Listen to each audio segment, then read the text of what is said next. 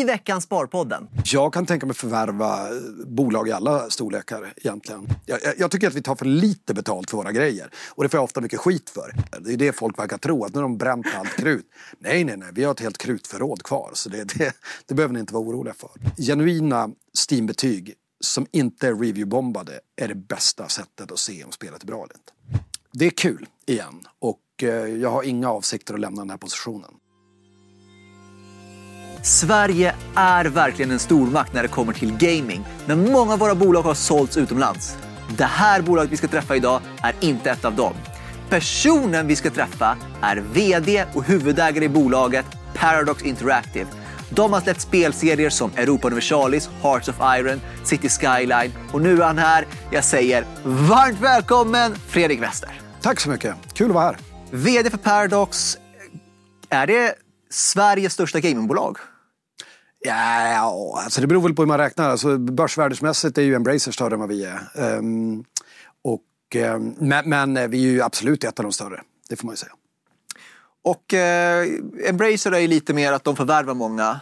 Eh, mm. Ni är väl lite mer centralt styrda om man Ja. Eller, eller är det fair att säga så? Ja, nej men vi, så här. Först och främst har Paradox eh, lite kommit till på ett eh, lite annat sätt än många andra bolag har gjort. Vi har ju aldrig raisat pengar till exempel. Utan vi fick ju ta över bolaget 2004 eh, i en management buyout. Jag började 2003 på något som heter Paradox Entertainment. 2004 tog vi över bolaget, drev det i egen regi under Paradox Interactive flagg. Och sen dess har vi aldrig raisat några pengar. Så att det har blivit liksom att vi har levt på de pengar som har kommit in. Det har varit organisk tillväxt hela vägen. Så att, eh, det har ju fostrat en viss typ av kultur, en viss typ av hur man gör business egentligen. Och jag har ju varit alltid väldigt produktfokuserad själv. Så om man har Embracer på ena kanten med förvärv, förvärv, förvärv så har man 100% organiskt på andra kanten och där är ni. Ja, det kan man säga. Vi har ju också förvärvat några bolag eh, inom mobilt. Vi har förvärvat liksom specifika bolag, men det är inte så många. Det har varit något bolag per år har vi väl lyckats ta till oss. Och ni är både spelutvecklare och distributör? Ja, förlag. Ja, förlag. förlag. Mm. Ja. Eh, kan du bara förklara processen eh, för hur ett spel går från utveckling till publicering och vart någonstans ni står i kedjan här? Ja, vi, vi, står ju egentligen eh, i hela kedjan utom själva återförsäljarledet där vi har Steam, eh, Microsoft och genom Xbox och Game Pass och eh, Sony via Playstation och ibland Nintendo också. Då.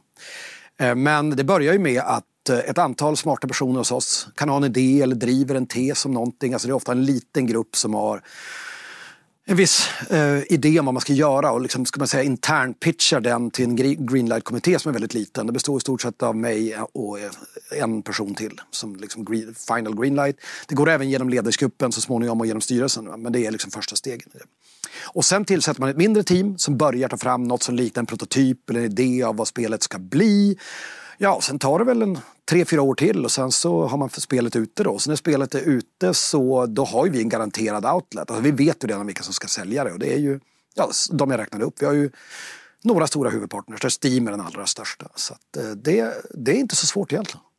Och om man går på det sista ledet då, återförsäljaren, så mm. vet jag att det har varit mycket debatt kring Steam och deras katt de tar. De tar ju en stor procentandel, är det 30 procent? Det är 30 procent. Ja. Mm. Um, och då finns det en konkurrent som Epic ja. som kör 12 procent. Något sånt, ja precis. Och det har inte du funderat på att så men, kanske är mer attraktivt för er, eller? Ja, alltså man vill ju att katten ska vara så lite som möjligt. Det är ju helt klart så. Sen har ju Steam en, en stege då, så att omsätter man mer på spelet så får man en bättre katt också. Så att vi är ju uppe på en rätt bra eh, nivå med de flesta av våra titlar. Speciellt de som varit live länge då som säger Hearts of Iron, Europa Universalis-titlarna. Eh, så, så att, eh, men det är klart, eh, sen ska man komma ihåg att det de här outletsen gör är ju alla betallösningar, all distribution av allting och sådär. Så, så det är ju en kostnad förknippad med det också. Även om, som sagt, man skulle gärna se en lite lägre katt. Det är ingen snack om den saken. Och om man funderar på vart, var, finns det något ställe där man tjänar lite mer pengar? Det här, att ha hela kedjan, mm. innebär det att ni behåller en större del av kakan? Vad skulle det innebära om ni bara fokuserade på spelutveckling och struntade i förlagsbiten? Ja, men då plockar man bort en del av uppsidan givetvis då. Eh, sen så är det så att tar man ett sånt förlag som vi är då, Paradox, vi har 6 miljoner månadsspelare nu ungefär på PC. Eh, borträknat då mobilt och konsol tror jag i alla fall kan vara ute på djupt vatten här. Men det man gör om man, om man får en publisher med sig är också att man får en, en kanske en fungerande spelarbas, eh, en målgrupp som, som man kan kommunicera med som vi i våra fall när vi signar tredjepartspel så är det ju med, med eh, den typen av spel vi vet att våra spelare skulle vilja spela och är intresserade av. Och då är det klart, då får de ju mycket gratis också. Så det är liksom, att dela 50-50 på noll är ju fortfarande noll. Men om du delar på en miljard, alltså, man måste ju räkna lite så också. Vad får man tillbaka av eh, förläggarverksamheten? Men om vi skulle skala tillbaka idag skulle det vara lite svårt. För vi är ju några hundra anställda som gör spel och den kostnaden är ju rätt hög varje år. Eh, och sen har jag, rätta mig om jag har fel, men jag kommer ihåg att det fanns ett spel som heter Mountain Blade som inte ni utvecklade men ni var eh, förlaget för, liksom, eh, publishern. Ja, det stämmer. Hur mycket är den affären att hitta alltså sånt som ni inte utvecklar alls men där ni är eh, publishern? Vi har ett litet eh, strike team som eh, heter New Games Team som tittar på nya produkter hela tiden. Det är deras huvuduppdrag. Och de, nu har vi döpt det till Paradox Arc och det är våran eh, lite mera ska man säga, experimentella förläggarlabel. Men de följer samma grundregler som Paradox. Vi har ett antal ska man säga, förhållningsregler som gör ett paradoxspel till ett paradoxspel. Vad vi innebär, eh, vad vi inser i alla fall. Och, eh, förhoppningsvis så tycker våra gamers likadant och tycker att det och eh, i stora drag, vad är det som gör ett paradoxspel till ett paradoxspel? Ja, det är ett par olika parametrar. Det allra viktigaste är att eh, vi kallar det för endless replayability eller endlessness. Att det finns alltid ett skäl att komma tillbaka och spela spelet en gång till. Om du spelar, säger Europa Universalis, så kan du ha en upplevelse om du spelar Frankrike. Du kan ha någon helt annan om du spelar Kina till exempel. Om du spelar stammar i, på nordamerikanska kontinenten. Alltså att det blir, det blir så olika gamingupplevelser att det finns alltid ett skäl att komma tillbaka. Och det, det är väl den allra, allra viktigaste. Sen pratar vi mycket om eh, låta spelaren ha kreativitet, alltså agency of the player. Att det är du som driver storyn framåt, det är inte vi. Det är inte vi som berättar storyn för dig, det är du som berättar storyn för oss. Så det blir, mm, det några, några pelare att hålla sig i när man eh, både letar spel och man utvecklar spel. Eh, jag har ju spelat era spel sedan jag var 13 år. Så jag är väl bekant med dem. Och en effekt av att spela till exempel Europa Universalis är att jag kan lite världshistoria om typ alla världens hörn från de åren man börjar i mm. spelet som är 1399 tror jag till 1821. Mm. Eh, long story short, man lär sig väldigt mycket historia. Hur mycket tänker ni på utbildning eller är det en biprodukt bara av underhållningen? Ja, men Eh, utbildning är ju det är en, det är en trasslig skog att gå i eh, när man pratar om, framförallt man pratar om edutainment. Därför att människor har en tendens, det är lite intressant, att när man säger ordet utbildning så drar de öronen åt sig och tänker så här, åh nej, vad är det här för något? Ska, jag, ska någon pracka på mig någonting?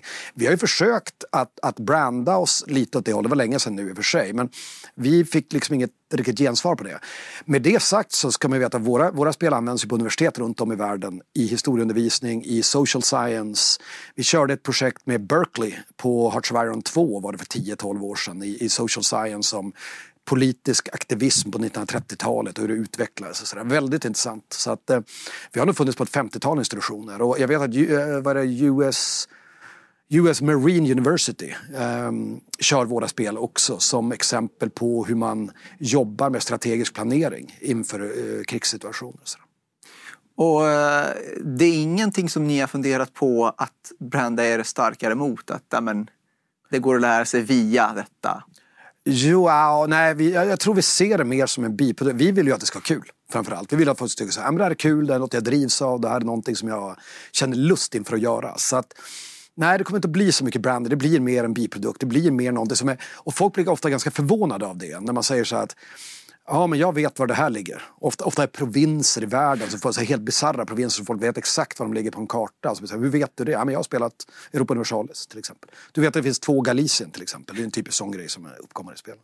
Men sen kan det också bli, jag kommer ihåg när vi spelade, när vi gjorde, var det Hearts 2 och Georgia var två provinser. Alltså Georgien och eh, delstaten Georgia i USA. Så det ställer också till med lite bekymmer så här, om man kodar fel. Så, så att, eh, mm. eh, och när man... Eh, om man ska summera för mig vad som är eh, Paradox-spel så ni har ju säkert många andra typer men mycket är fokus på strategispel. Mm. Och väldigt, väldigt långa spelcykler. Mm. Alltså, många gånger jag är van med att spela, då är det ett spel som kommer så spelar man det, alltså efter en månad är man klar. Mm. De här spelen håller ju på, ta mig tusan ett decennium eller längre. Mm. Uh, är det något med mening ni gör så och hur håller ni detta vid liv? Ja, det är en del i det här endless replayability. Vi vill ju att folk ska ha, eh, kunna ha ett skäl att komma tillbaka och spela hela tiden. Tar man Europa Universalis 4 fyller tio år nu i augusti. Så det är klart att, och vi visste ju inte riktigt det då, när vi släppte det, att det skulle hålla i tio år. För då hade vi nog planerat lite annorlunda och gjort det på ett annorlunda sätt och sådär. Men så mycket har ju varit att vi utvecklar spelen medan man ser vad som händer med dem. Och en del av det här är ju att eh, folk i vårt community gör till exempel moddar till spelen. Du har en jättestor Game of Thrones-mod till Crusader Kings 3. Började med Crusader Kings 1 faktiskt, när det bara var böcker i Game of Thrones. Så att det finns mycket saker folk gör runt spelen också som gör att folk kommer in och spelar på grund av att det finns en modding-community. Det är ju fantastiskt. Um, och på tal om modding-community, där eh, det är ju hur stort som helst. Samtidigt så upplever jag att det inte är alla spelutvecklare som bejakar det utan kan göra det väldigt jobbigt att få folk att modda. Hur förhåller ni er till moddare? Är ni positivt inställda och underlättar ni på något sätt för moddare?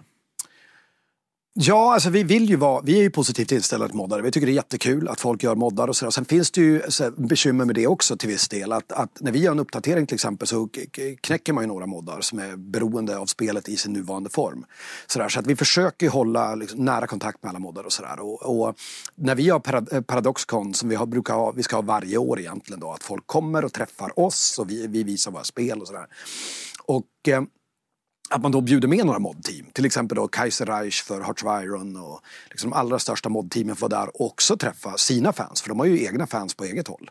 Så att de driver ju egna communities också inom ramen för vad vi redan gör. Så att vi, nej, men vi är superpositiva och tycker det är kul. Och det har aldrig, liksom, ni har aldrig funderat på så här, men moddarna är så bra att vi borde förvärva dem, att de eh, jobbar för oss och gör sina egna versioner? Absolut, det är absolut en sån grej man skulle kunna göra. Vi har tittat lite på det. Sen är det svårt när, när en mod har gett ut någonting gratis, alltså det som folk ser som gratis, det ligger folks hårda jobb bakom. Så det är deras investerade tid som ligger bakom de här moddarna då, och de tar inget betalt för det. Game of Thrones till exempel, det vet ju HBO är mycket väl medvetna om den här modden och vet precis vad det är. Och de har ju bara sagt till oss att så länge ni inte monetiserar det här så, får ni, får ni, så låter vi det vara. Men börjar ni ta betalt för grejer då, då vill vi också ha betalt. det, och det är ju rimligt, liksom. det är deras varumärke. Men eh, det, det, är absolut ett sätt, alltså jag har pratat om user generated content ganska mycket de senaste 4-5 åren. Och ser man sådana spel som Roblox till exempel är ju helt beroende av den typen av saker. Det är ju en spelplattform mer eller mindre. Och sådär. Så att, eh, jag tror att vi går lite mer i den riktningen. Att folk skapar content, säljer content till andra spelare och sådär. Och vi ser gärna att vi underlättar mer för det i framtiden, absolut. Och du har ju varit i där företaget sedan 2004 eh, men ish 2003. Mm. Väldigt länge helt enkelt. 20 år. 20 år. Och eh, det påtalas mycket när man pratar med folk att ni har en väldigt speciell eh, företagskultur. Att det är annorlunda från andra företag. Ett, är det med mening? Och två, hur är företagskulturen enligt dig själv? Nej men vi, alltså våra spel har en väldigt hög nördighetsfaktor och det lockar till sig tror jag redan från början en viss typ av människor som vill jobba med den här typen av spel. Alltså att jag tror att man kanske redan från början kommer från rollspels och brädspelscommunity till exempel. Jag växte ju själv upp med roll och brädspel i slutet på 80 början på 90-talet. Så, så när vi till exempel fick köpa Vampire the Masquerade och World of Darkness var det ju jättestort för mig personligen också. Och jag tror att det är där det börjar. Så att vi, vi har egentligen inte vi, vi upplåter till exempel ett rum på ska säga, The Studio, kallar vi den för. Det var ett, lite för lågt i tak för att ha kontor där, men vi har det som extra utrymme. Och där har vi då ett brädspelsrum som är ganska stort. Och sen så har vi en liten bio innanför det då, där man kan liksom kolla på film med folk och sådana grejer. Så vi underlättar lite grann för den här livsstilen men framförallt så kommer den väldigt naturligt av de intressen som redan finns i bolaget. Så att, eh, det är kul, det är superroligt tycker jag. Och Upplever du att det genererar eh, resultat för aktieägarna på något sätt? Att det är en sån stark företagskultur på det sättet? Ja men det tycker jag. Jag, jag, jag är en väldigt stark anhängare av att um, locka folk till Paradox som redan kan bolaget och som redan spelar spelen och som redan gillar det vi gör. Uh, och det, det, man har en stor fördel för man känner redan communityt. Man vet redan varför folk betalar för våra spel och varför folk kommer tillbaka och spelar dem. Så det är ingen utbildningsperiod på ett till två år. Det är inget krav att vara paradoxspelare när man ansöker om ett jobb hos oss. Men det är en stor fördel. Absolut, och vi börjar väga in den mer och mer också. Att så här, skriver man sig, ja 1500 timmar i Europa Universalis, bra. Det gillar vi. Ja, men det, är, det är jättebra. Liksom. Då förstår du liksom själva, du förstår mekaniken, du förstår. Och jag tror det är likadant i allting som är passionsdrivet. Säg då i en fotbollsklubb till exempel. Du skulle inte anställa någon som inte var intresserad av fotboll och var en del av staben. Därför att de pratar om något helt annat. Alltså de, deras passion ligger inte i spelet. Och det tycker jag är lite likt det vi gör. Alltså att um, folk är verkligen passionerade för produkten. Jag tänkte ta att vi tar lite tittarfrågor. Mm. Eh, då... Eh, vi har en fråga från eh, Investacus. Mm. Kan han ge lite tankar om hans position som VD och hur länge han tänker vara kvar? Frågetecken. Och då ska man ju liksom eh, ha lite bakgrund. Du var VD, eh, lämnade som VD. Ebba Ljungerud tog över, sen har Ebba Ljungerud lämnat och sen har du tagit tillbaka den. Ämnar du vara kvar eller hur är tanken där? Ja men det är tanken att jag ska vara kvar. Det ska man veta då att i slutet av 2017 var jag ganska utarbetad och jag hade lite tappat glöden faktiskt om jag ska vara helt ärlig. Och det var det, jag gjorde en analys, liksom en självanalys, att säga, orkar jag ens göra det här? Och det var väl, svaret på den frågan var väl nja. Eh, och då tyckte jag att ja, men då får jag steppa tillbaka, vi plockar in någon annan och sådär. Sen så fick jag då tre år där man gjorde andra saker, fick lite andra perspektiv, var kvar som styrelseordförande, jobbade egentligen inte mer än halvtid kanske med Paradox och sådär. Och, och då fick man liksom hitta tillbaka till den här passionen, till det här liksom, vad var det egentligen som gjorde det här bolaget så otroligt roligt och så otroligt speciellt. Och det, nu när jag hittar tillbaka till den känns det lite som att man är oövervinnerlig. Det känns lite som att man kommer tillbaka och känner att nu den här energin är fantastisk. Och sen har vi en annan setup idag också. Så att jag, jag jobbar inte med exakt samma frågor som jag gjorde tidigare. Det blev väldigt brett tidigare och väldigt svårt att fokusera på en enskild sak. Och nu har jag mina sakfrågor egentligen där New Games till exempel är en väldigt central del av vad jag jobbar med. Så, så att um, det är kul igen. Och uh, jag har inga avsikter att lämna den här positionen. Det kan jag inte påstå. Och hur var det perioden när uh, Ebba Ljungerud var VD? Du var fortfarde kvar på något håll, visst var du i ja, jag var styrelsen? Precis. Ja, precis. Uh, hur var det där och varför fick Ebba lämna? Ja, det var, alltså, vi hade väl lite olika idéer om hur bolaget skulle styras och skötas. Det var inte mer än det. Och, Eh, det är ju alltså, det är inte jättelätt att jobba med en, en huvudägare som jag som äger en tredjedel av bolaget och har extremt starka åsikter. Det, det, det har jag respekt för. Och på tal om eh, att du är dels huvudägare, det är Skin in the Game och eh, du är nu VD och så. Ehm, känner du att om, om du skulle försvinna, om du skulle bli så här sjuk eller så här, hur skulle företaget funka utan dig i dagsläget? Det Är väldigt mycket centrerat runt dig.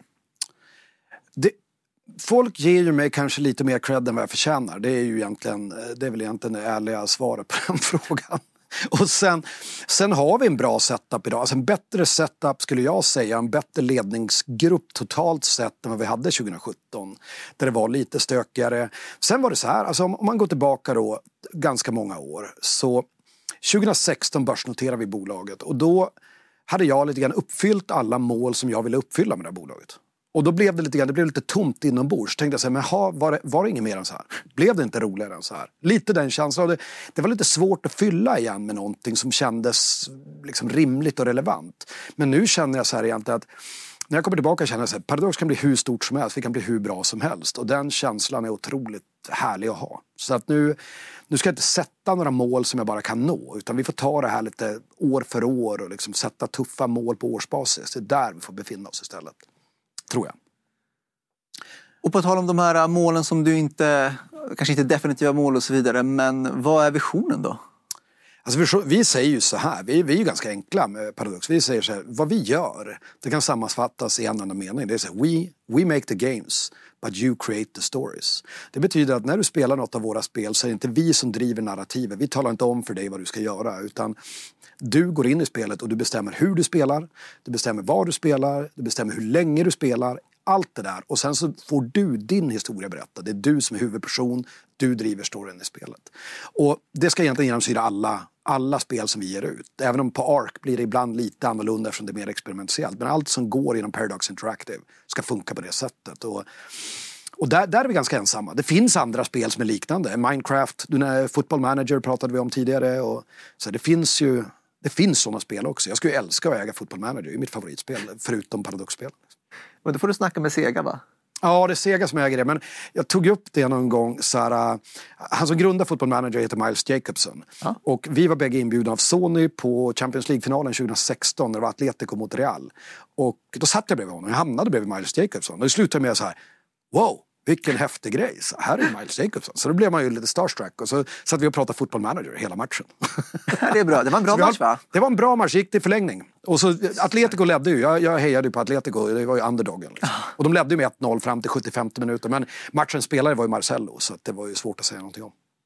Just det. Nej, men eh, just det där är intressant för eh, det finns ju säkerligen möjligheter för er i framtiden, är det här nu, att förvärva. Mm. Är det någonting ni kikar på om det skulle vara ett förvärv? Eh, tänker du det att det skulle vara något mindre fortfarande eller skulle du kunna tänka dig att värva något stort? Jag kan tänka mig förvärva bolag i alla storlekar egentligen. Um, men jag vill att de ska vara cashflow-positiva. Jag vill att de ska ha en bra running business. Liksom. Att de ska ha varit några år, bevisat vad de gör, bevisat tillväxtkapacitet. Det ska liksom inte vara en lönelista man förvärvar. Det är inte aktuellt. Utan det ska vara, det ska vara ett solitt IP, ett solitt bolag med en solid tillväxt. Och de har ju kostat vansinnigt mycket pengar. Det har ju varit så. Det har varit en dyr marknad eh, att agera i. Och priserna har ju kommit ner så det är betydligt attraktivare idag att titta på den typen av bolag än vad det har varit de senaste 6-7 åren i alla fall. Så visst, det kan hända saker. Och tvärtom då? Alltså har det varit folk, eller folk, större bolag som har approachat er och velat värva er? ja, det har det varit. Och eh, har det varit någon kompromiss, till exempel eh, Tencent har väl gått in i er sedan tidigare? Mm, de har köpt på öppna marknaden också. De börjar på 5 och ligger på drygt 10 idag. Precis, och de har aldrig eh, approachat er och velat köpa upp hela eller? Ja, alltså, det, jag, ska inte, jag ska inte droppa några namn på några bolag, men det finns några stycken som är intresserade. Jag tror de flesta kan ungefär gissa vilka de är. All right. Det finns ett, en handfull bolag som tycker att det vore jättespännande att ha med Paradox i portföljen. Så det, och det är liksom ingen det, är en sån marknad just nu. Det konsolideras, det, det händer väldigt mycket med olika plattformar. Folk försöker skaffa sig konkurrensfördelar över andra och sådär. Så det, och det är ju så här, vi är ju en bricka i ett sånt spel därför vi äger en del av marknaden. Och det är precis så vi har byggt bolaget. Så det är kul att vara där. Men vi, vi har inte bråttom någonstans utan det, vi har en otroligt bra position. Det, det är rätt kul att vara vi just nu. Så kan man känna. Halloj! Vill bara flika in en liten grej här. Ni som är kunder på Nordnet och har utländska aktier i kapitalförsäkring som delar ut. Ni behöver betala en källskatt. Men här är det positiva. Från och med i år får ni tillbaka källskatten redan månaden efter om ni är kunder här på Nordnet. Det här är för att vi har en schablon så att ni får tillbaka pengarna snabbt, smidigt och kanske inte 100%. I vissa marknader är det faktiskt 100%. Men det gör att pengarna kommer in mycket tidigare än tidigare. Många andra banker har tre år. Varsågoda Nordnet-kunder och nu tillbaka till intervjun. Senare i Sparpodden. Ja, men jag spelar mycket. Alltså jag försöker spela mellan 15 och 20 timmar i veckan för att liksom hänga med i vad som händer. Och så. Jag, jag, jag, tycker att vi tar för lite betalt för våra grejer. Och det får jag ofta mycket skit för. Att vi fick 91 på Metacritic, det gör att Crusader Kings 3 är ett av de 50 bästa spelen i världen någonsin på PC. Där fick vi mycket kritik för att det var okänsligt beskrivet, det var felaktigt och sådär. Och, och, det är klart att det är svårt. Jag menar, vi är inte klara med announcements för året heller. Det är det folk verkar tro, att nu har de bränt allt krut. Nej, nej, nej, vi har ett helt krutförråd kvar. Så det, det, det behöver ni inte vara oroliga för.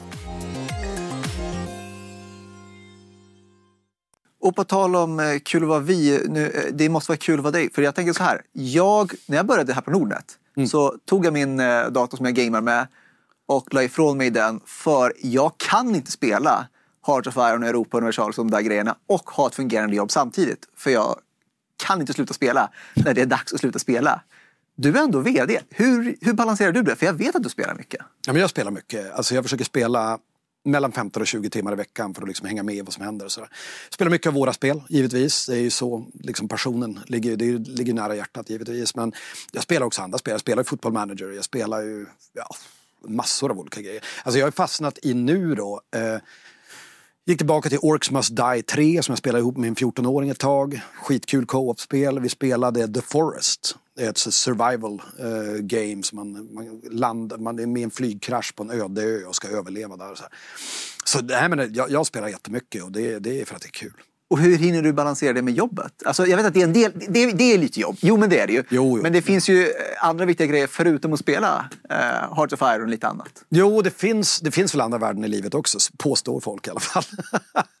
Nej, men man får sätta av tid till att spela. Alltså, det är en prioriteringsfråga. Vissa kollar på Netflix mycket, eller kollar på film och, och tv-serier och så, och jag spelar.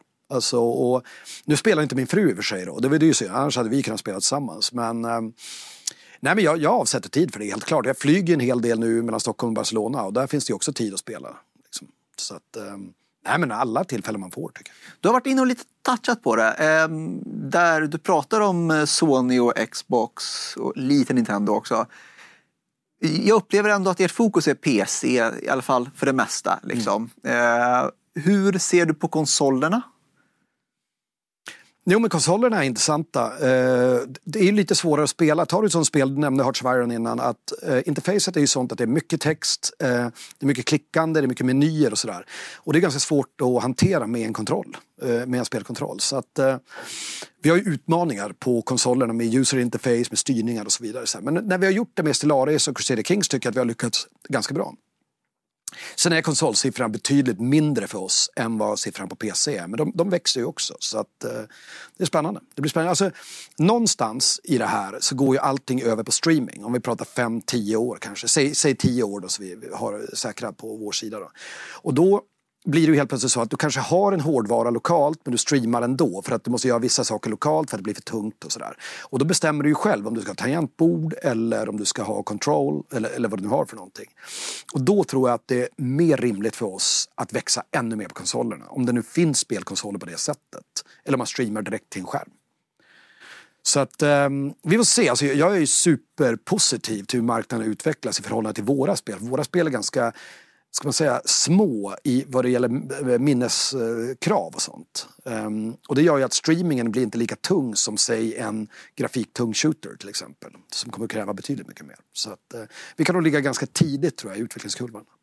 Och förutom det så Sony och Playstation har ju släppt Playstation VR 2. Uh, eh, där det just nu skriks efter fler spel. Uh, kikar ni på VR? Vi har ett jättebra samarbete faktiskt med eh, en lokal Stockholmsstudio som heter Fast Travel Games som har gett ut några av våra spel på, PC, eh, på, på, på VR, jag säger PC om allting. Eh, VR och eh, det har varit Stellaris bland annat. Vi har annonsat Cities eh, Skylines på VR också. sådär så att vi ger ut saker. Vi är inte utgivare själva för vi känner att vi kan inte riktigt det där. Vi vet inte riktigt vad uppsidan är och sådär. Men vi, vi ser, vi tittar och analyserar på det och ser hur marknaden växer till sig lite grann. Det är fortfarande en ganska liten marknad jämfört med PC och konsol. Du har pratat om Paradox eh, Arc, er mm. experimentverkstad. Är det lite grann att ni ger resurser till några kreatörer och så får de göra typ vad de vill eller hur hårt kikar Hur involverad är du i det? Uh, förlåt? Hur hårt involverad är du i ARK? Ja, men ganska involverad. Jag spelar mycket av de spelen som kommer in. Man tittar på mycket pitchar och sådana saker. Nej, men vi, där gör vi allting från att, att titta på Eh, en idé på ett papper till saker som är färdiga prototyper och i stort sett nästan färdiga spel som, som är på väg ut. Så att eh, hela rangen egentligen. Det beror på var vi vill komma in och vilken risk vi vill ta i, i spelet så att säga. Så att, um, Across the Obelisk var ju färdigt när vi tittade på det. Så det var ganska enkelt. Vi spelade och sa så här, det här är bra. Det här ska vi göra. Liksom, det är inget svårt. Och nu har jag 240 timmar i spelet så nu, nu kan jag det också ganska bra. och, eh, jag, jag bara tänker så här, när du spelar ett spel och äh, du ska bedöma om det är en hit eller miss. Mm. Vad är det för någonting du kikar på? Finns det någonting som är, finns det några röda flaggor som du ser så här, oh, sånt där gillar jag inte? Nej, men det, alltså, ju mer öppet spelet är desto bättre är det ju. Alltså är det bara så att du kan göra väldigt mycket olika fria och djupet i spelet, kan du kombinera olika saker, kan du hela tiden lära dig hur du gör och bli bättre. Så att systemen och mekaniken är smart. Eh, är det alldeles för enkelt så blir det heller väldigt låg, eh, då blir det också låg eh, återspelbarhetsgrad. Så att det är väl det man tittar på mest, alltså hur smarta är de här systemen hur länge håller de över tid. Och det är därför också så här, när man då har mer än 50 timmar, då börjar man få ganska bra grepp om så här, ja men okej, det här funkar, det här, det här håller i liksom. Du har kommit in på återspelbarheten väldigt mycket det mm. verkar vara en central bit. En sak som ni gör väldigt mycket av också, det är DLC. Så mm. ni släpper ett nytt spel. Mm. Sen är det expansioner eh, eller annat som kommer under livscykeln. Yes. Är det medvetet att ni har valt att göra så? Ja, men det är det ju. Alltså, det alltså att göra ett nytt spel är ju dels väldigt stort, eh, alltså stor risk och det, är väldigt, det kostar ju väldigt mycket pengar att göra spel. Det är ju så idag. Det har varit eh, mycket löneökningar, välförtjänt för att branschen tjänar mycket pengar så det är inget att snacka om det, att, man, att lönerna också hänger med. Men eh, det blir ju kost, mer och mer kostsamt, det blir mer och mer risk också. Så att, att kunna de flesta vill ju faktiskt fortsätta spela det spel de älskar. Det är ju, det är ju så enkelt det är och det är därför det är så svårt att lansera nya spel idag. Det är ju betydligt svårare nu än vad det var för 10-15 år sedan att lansera ett nytt spel. Därför att det är tuffare konkurrens. Det finns, alltså om du tittar på Steams topp 10-lista av spel så är de flesta spelen mer än fem år gamla. Jag tror alla kanske till och med är det. Lite svårt att säga nu på rak arm. Men, men, de flesta, alltså det är även på topp 20. Så att, att slå sig in där och ligga kvar, det är otroligt tufft. Och här har jag en eh, tittarfråga från eh, en vän faktiskt mig, Herman. Mm. Som eh, för övrigt älskar hela spel, men han har en tuff fråga till dig. Och det är Europa Universalis 4. Om man skulle köpa spelet och alla DLCer, då är man uppe över 300 euro. Mm. Är ni inte lite väl giriga? ja, alltså det är så här. Två, två svar på den frågan egentligen. Det första är ju att spelet har varit ute i tio år, så det är ungefär 50 euro per år. Nej vänta nu, vad fan vad säger jag? 30 euro per år blir det Kan inte räkna heller.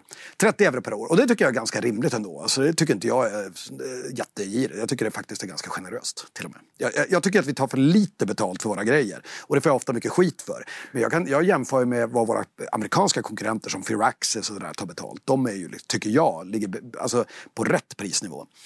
Och, och eh, vi ska säga, det var det. Och sen finns det också en subscription nu på Europa Universalis. Så du kan betala, tror jag, 5 dollar i månaden och få tillgång till allt. Och då kan du spela spelet, känna ja, men om du vill fortsätta eller inte. Och det blir mer och mer populärt. Det växer subscription-basen varje månad nu.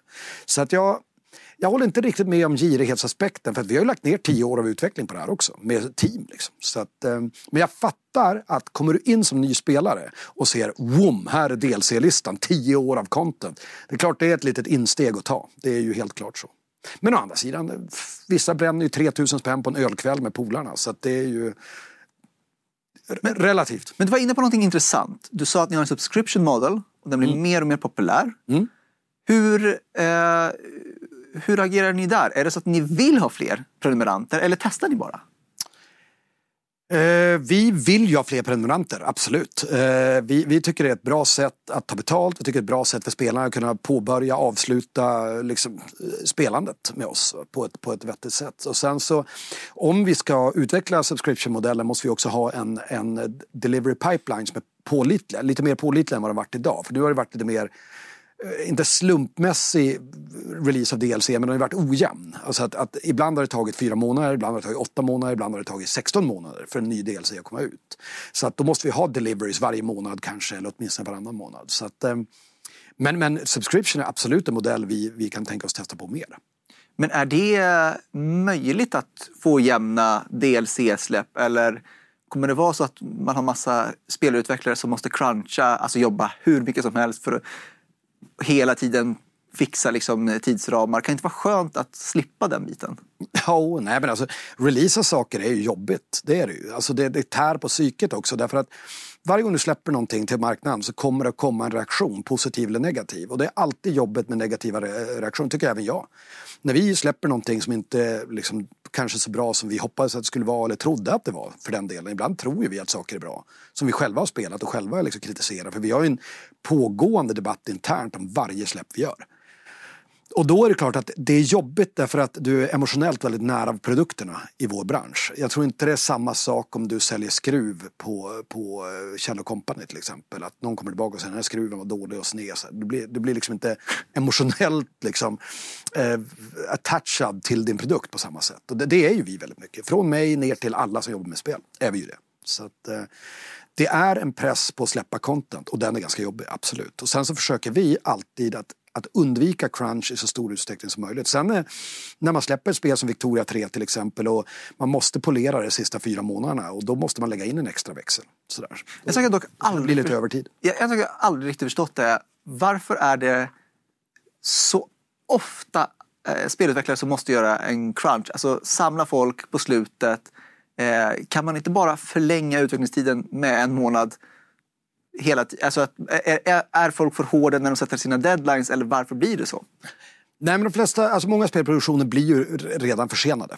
Alltså, och det har ju att göra med en mängd olika orsaker. Dels är det svårt att se precis exakt hur lång tid allting kommer att ta att fixa. Man underskattar också kanske hur lång tid det tar att fixa alla buggar och polera allting. Och, sådär. och sen så finns det alltid feature creep som det heter. Och att man, man lägger till eh, fler features i spelet. Man kommer på nya grejer medan man spelar och inser så här, ja men det här vore roligt om man kunde göra också. Så att det finns redan ett förseningselement liksom inbyggt i det här därför att man vill addera så mycket som möjligt i en färdig produkt. Men vid någon till, något tillfälle måste man säga, nu är det slut. Nu, nu ska vi bara polera och så ska produkten ut. Um, och det är ofta då man sätter igång med en crunch därför att man vet vad produkten är då. Alltså man har satt feature freeze och sen polerar man resten. Och då vet man exakt, nu ska det fixas buggar, nu ska vi ta bort grafikglitchar, nu ska vi göra de här sakerna. Och det är liksom sista städningen innan spelet ska ut. Och om man eh, tar kundperspektiv från till exempel mig. När jag spelade Hearts of Iron 3, jag kan spelet, jag har spelat era spel tidigare. Hearts of Iron 4 kommer och jag tänker så här, men det är bara liksom gå vidare, det ska liksom vara ungefär samma sak. Och då blir jag helt golvad mm. över hur komplext spelet är. Och det tog mig på riktigt ett och ett halvt år innan jag liksom orkade ta mig igenom det. Att det är en väldigt hög tröskel för mm. nya spelare. Och hade jag dessutom inte spelat Hearts of Iron innan och de, era andra spel, då hade det varit ännu svårare. Hur får ni in nya spelare, alltså helt gröna spelare in till era spel? Finns det något, för tutorials brukar typ aldrig funka. Nej, Eh, tutorials har vi varit svaga på historiskt sett. Så att, eh, onboarding funkar ju ofta genom att folk tittar på YouTube-videos av att folk på YouTube gör bra onboarding så förklarar hur saker funkar. Det finns ju någon sån här intro to Crusader Kings 2. Det är liksom 16 timmar tutorial och sånt där. Den går igenom varenda feature i spelet. Så att, har du 16 timmar över då kan du lära dig spelet ganska bra. Men det mesta är ju trial and error. Du går in och så provar du en massa saker och så inser du att ah, jag har gjort allt fel, jag börjar om. Och så lär du dig efter det. Um, och Hartsvärn tog ju mig, alltså Hartsvärn 4, jag har ju flera hundra timmar i Hartsvärn 2. Inte lika mycket i trean som jag inte spelade lika mycket, men sen kom jag till fyran och det tog ju 15 timmar även för mig att lära mig bara basics. Och då vet jag ändå vad spelet är, jag har sett det liksom streamas sådär. Men å andra sidan ska man veta att jag, jag spelar inte spelet när det är under utveckling för det är, ganska, det är mentalt lite jobbigt. För då kommer man in i ett spel och bara åh vad bra det går och så är det någon bugg och så kraschar alltihopa och så är det bara sådär. Så att jag, jag väntar tills betan är ute och sen då börjar jag köra. Eh, och har du genom åren något spel där du tänkte så här, ah, men den är jag tveksam till och blev positivt överraskad? Eller har du alltid varit övertygad om alla spel? Nej, alltså det, är, det är vanligare att det är tvärtom. Att man tror väldigt mycket på något så blir det inget bra. Men eh, alltså Mountain Blade var en sån till exempel som blev otroligt bra. Mycket bättre än vad jag trodde. Eh, faktiskt. Magica var ett sånt spel vi släppte 2011 och egentligen Crusader Kings 3 är ju en sån också. Alltså att, att vi fick 91 på Metacritic, det gör ju att Crusader Kings 3 är ju ett av de 50 bästa spelen i världen någonsin på PC. Alltså högst ratade av, av pressen i alla fall. Så att eh, det, det, det, finns ju. Men som sagt, besvikelsen är ju vanligare än att man blir positivt överraskad. Så är det. På tal om eh, betyg. Där, eh, rätt nyligen så var det ett eh, spel som baserades på Rick and Morty, eh, kreatörerna. Eh, och eh, nu kommer jag inte ihåg vad det spelet hette. Men eh, long story short så fick den väldigt dåliga betyg av eh, experter. Mm. Säga, men väldigt höga betyg av användarna. Mm. Hur mycket ska man egentligen lyssna på experter när det kommer till att utveckla spelen och hur mycket ska man lyssna på användarna? Ja, nej, men alltså, de som är de egentliga experterna är ju de som spelar spelen. Det är ju de man måste lyssna på. Alltså, Så att Steam-betyg är ju egentligen mer värt, eller mycket mer värt än Metacritic-betyg givetvis. Metacritic är ju bara ett sätt att se vad tyckte pressen. Alltså de har ofta haft säg fem, mellan 5 och 20 timmar att spela och sen ska det recenseras. Medan våra spel ska spelas i 500 timmar för att riktigt skina. Och då, då, får man ju reda på via Steam, ja, men vad tyckte folk? Och sen, sen blir det ju för sig ibland review-bombings på Steam också. Det är så här, äh, Football Manager beslutas för att inte översätta till kinesiska, vilket de hade lovat. Och då gick massor med kineser in och tummade ner spelet så de låg på 30% positiva och sådär. Så att det är ju svårt i båda riktningar. Ehm, men ska man se då genuina Steam-betyg som inte är review-bombade är det bästa sättet att se om spelet är bra eller inte. Har ni när ni gör eh, era historiska spel behövt censurera historiska händelser eller något annat för att det ska funka i en marknad där det inte är fri press och sånt? Eh, nej, vi, vi gör ju inte det. Alltså vi, vi, vi följer ju inte eh, olika länders restriktioner kring till exempel att Kina ville ta bort Tibet som spelbar nation i Hearts of Iron, vilket vi inte har gjort. Och vi, har, vi får ju påtryckningar från, från många olika ställen över hur vi beskriver saker, var gränser går och sådär. Och, och vi följer en väldigt strikt linje där vi försöker researcha så mycket som möjligt och göra det så historiskt korrekt som möjligt. Och, eh, Balkan till exempel i Europa har ju alltid varit vi får ofta kritik för att gränserna är fel, eh, till exempel i Balkan, i många av de historiska spelen, Europa Universalis. Men vi, vi försöker hålla en stringent linje. Och eh, sen, sen, så har vi valt då, vi plockade bort eh, eh, tyska nazistpartiets flagga, den röda flaggan med en vit cirkel och hakkorset i mitten. Då använde vi den gamla kejsarflaggan istället som är svart, vit och röd med, med ränder istället. Då. Och det var för att i Tyskland var eh, det förbjudet med hakkorset i, på leksaker. Var det förbjudet av någon, ja. Och då plockade vi bort, då plockade vi bort det på alla marknader samtidigt. Men, men jag, det är väl mer en sån. Sen är det också, sen har ju folk synpunkter på hur man beskriver historiska händelser. Jag vet att vi hade med Nanjing-massakern till exempel då som hände i, i Kina. Ut, utfört av japanska soldater. Och för oss som har ganska stort avstånd till den typen av historiska händelser på en annan kontinent och det är ganska, någorlunda länge sedan i historien. Där fick vi mycket kritik för att det var okänsligt beskrivet, det var felaktigt och sådär. Och, och det är klart att det är svårt. Det är otroligt svårt. Och, då, och, det krävs väldigt mycket feedback från olika källor för att man ska få det rätt. Eller rätt och rätt, det blir väl aldrig rätt, men det kan bli så nära sanningen som man någonsin kan komma. Men i och med att ni är globala så blir det så att ni lite grann är involverade i alla konflikter någonsin. Liksom, ja, det, jo men det är vi ju. Alltså, det, historia är känsligt, så kan man säga. Och, och, folk kommer alltid ha synpunkter på hur man beskriver historien. Så att, eh, och man måste våga stå för någonting där. Man måste våga säga så att vi, vi inser att vi kan inte ha rätt om allting men det här är sättet vi väljer att porträttera det här på. Och eh, jag brukar ställa den här frågan till nästan alla mina gäster. Vad är det mest spännande som kommer hända i ert bolag i år? Jag antar att det är något spelsläpp eller eh, någon, någonting där. Vad, för dig, vad är det mest spännande som kommer hända i år för Paradox? Nej, men jag tycker så här, vi, vi har hintat lite grejer nu. Alltså det är ju omöjligt att säga City Skylines 2 givetvis då, som vi gick ut med i måndags att vi ska göra. Det är ju uppföljaren till det bäst säljande spelet i bolagets historia. Det har den största eh, kundbasen, det har mest antal spelare varje månad. Alltså det är helt omöjligt att bortse från en sån eh, enorm eh, release för oss. Så att det, det, är ju, det kommer vara fantastiskt. Sen så jag menar, vi är inte klara med announcements för året heller. Det är det folk verkar tro, att nu har de bränt allt krut. nej, nej, nej, vi har ett helt krutförråd kvar. Så det, det, det behöver ni inte vara oroliga för. Och sen ska, får vi hoppas att så många grejer som möjligt kan komma ut på den här sidan årsskiftet. Men vi har ingen stress heller. Alltså det här är, det är ett maraton och ingen sprint. Vi ska göra spel som kan hålla i 10-15 år. Och då, då kan man heller inte stressa fram slutprodukten. Och det det får man, alltså, jag, jag har ju länge väntat, jag har ju länge sagt att lågkonjunkturen kommer. Jag har sagt i fem år. Winter is coming, brukar de säga i Game of Thrones. Det är familjen Stark som säger det. Och eh, märkligt att säga att man har längtat efter det, men det, för det har man ju inte riktigt gjort. För jag har ju också stigande räntor privat och vad man nu har för någonting.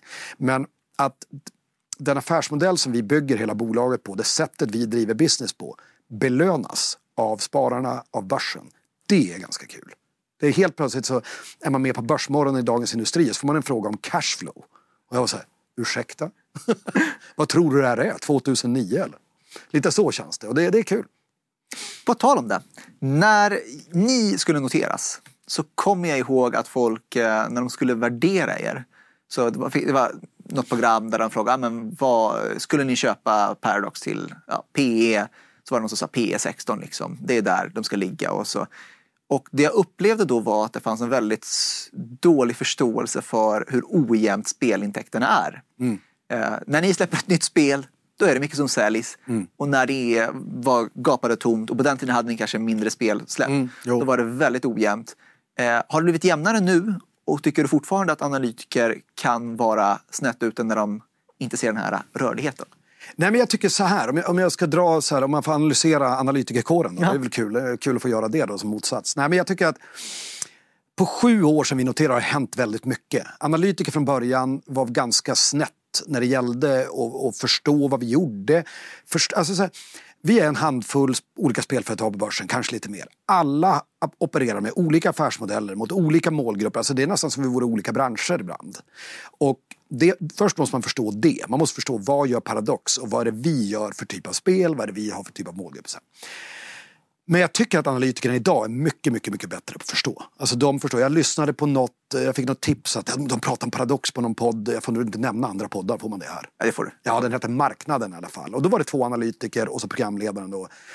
Och jag tyckte de gjorde jävla bra insats. Jag var faktiskt lite imponerad och tänkte så här, oj, oj, oj, här är det någon som har tänkt till lite grann. Och det har jag nästan aldrig känt förut. Så det var det är kul att det har kommit dit. Och det är lite grann så här, för när jag började i spelbranschen 2003 då var det så att om man sa att man jobbade med spel och man gick på ett party då fick man sitta vid barnbordet. Och så sa de så här, ja de älskar Minecraft. Okej, okay, ja men det är kul. Så jag gillar också Minecraft för den delen. Så det är perfekt. Så.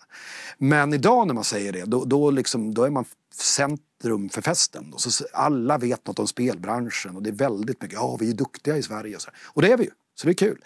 Och analytikerkåren har ju varit med och, och tror jag utbildat folk i det här. Framförallt aktiesparare och så. Så det är vi supertacksamma över. Det, det är kul. Och det är kul att de tar det på allvar. Spel är inte bara kul, det ska vara allvarligt också. Spel är inte bara kul, det ska vara lite allvar också. Eh, Fredrik, det har varit hur kul att ha med dig här i Sparpodden som helst. Stort tack för att du tog dig tiden. Och vi i Sparpodden är såklart tillbaka även nästa vecka. Missa inte att stå på återseende. Bra jobbat! Tack så mycket, kul att vara här. Ja. Superkul.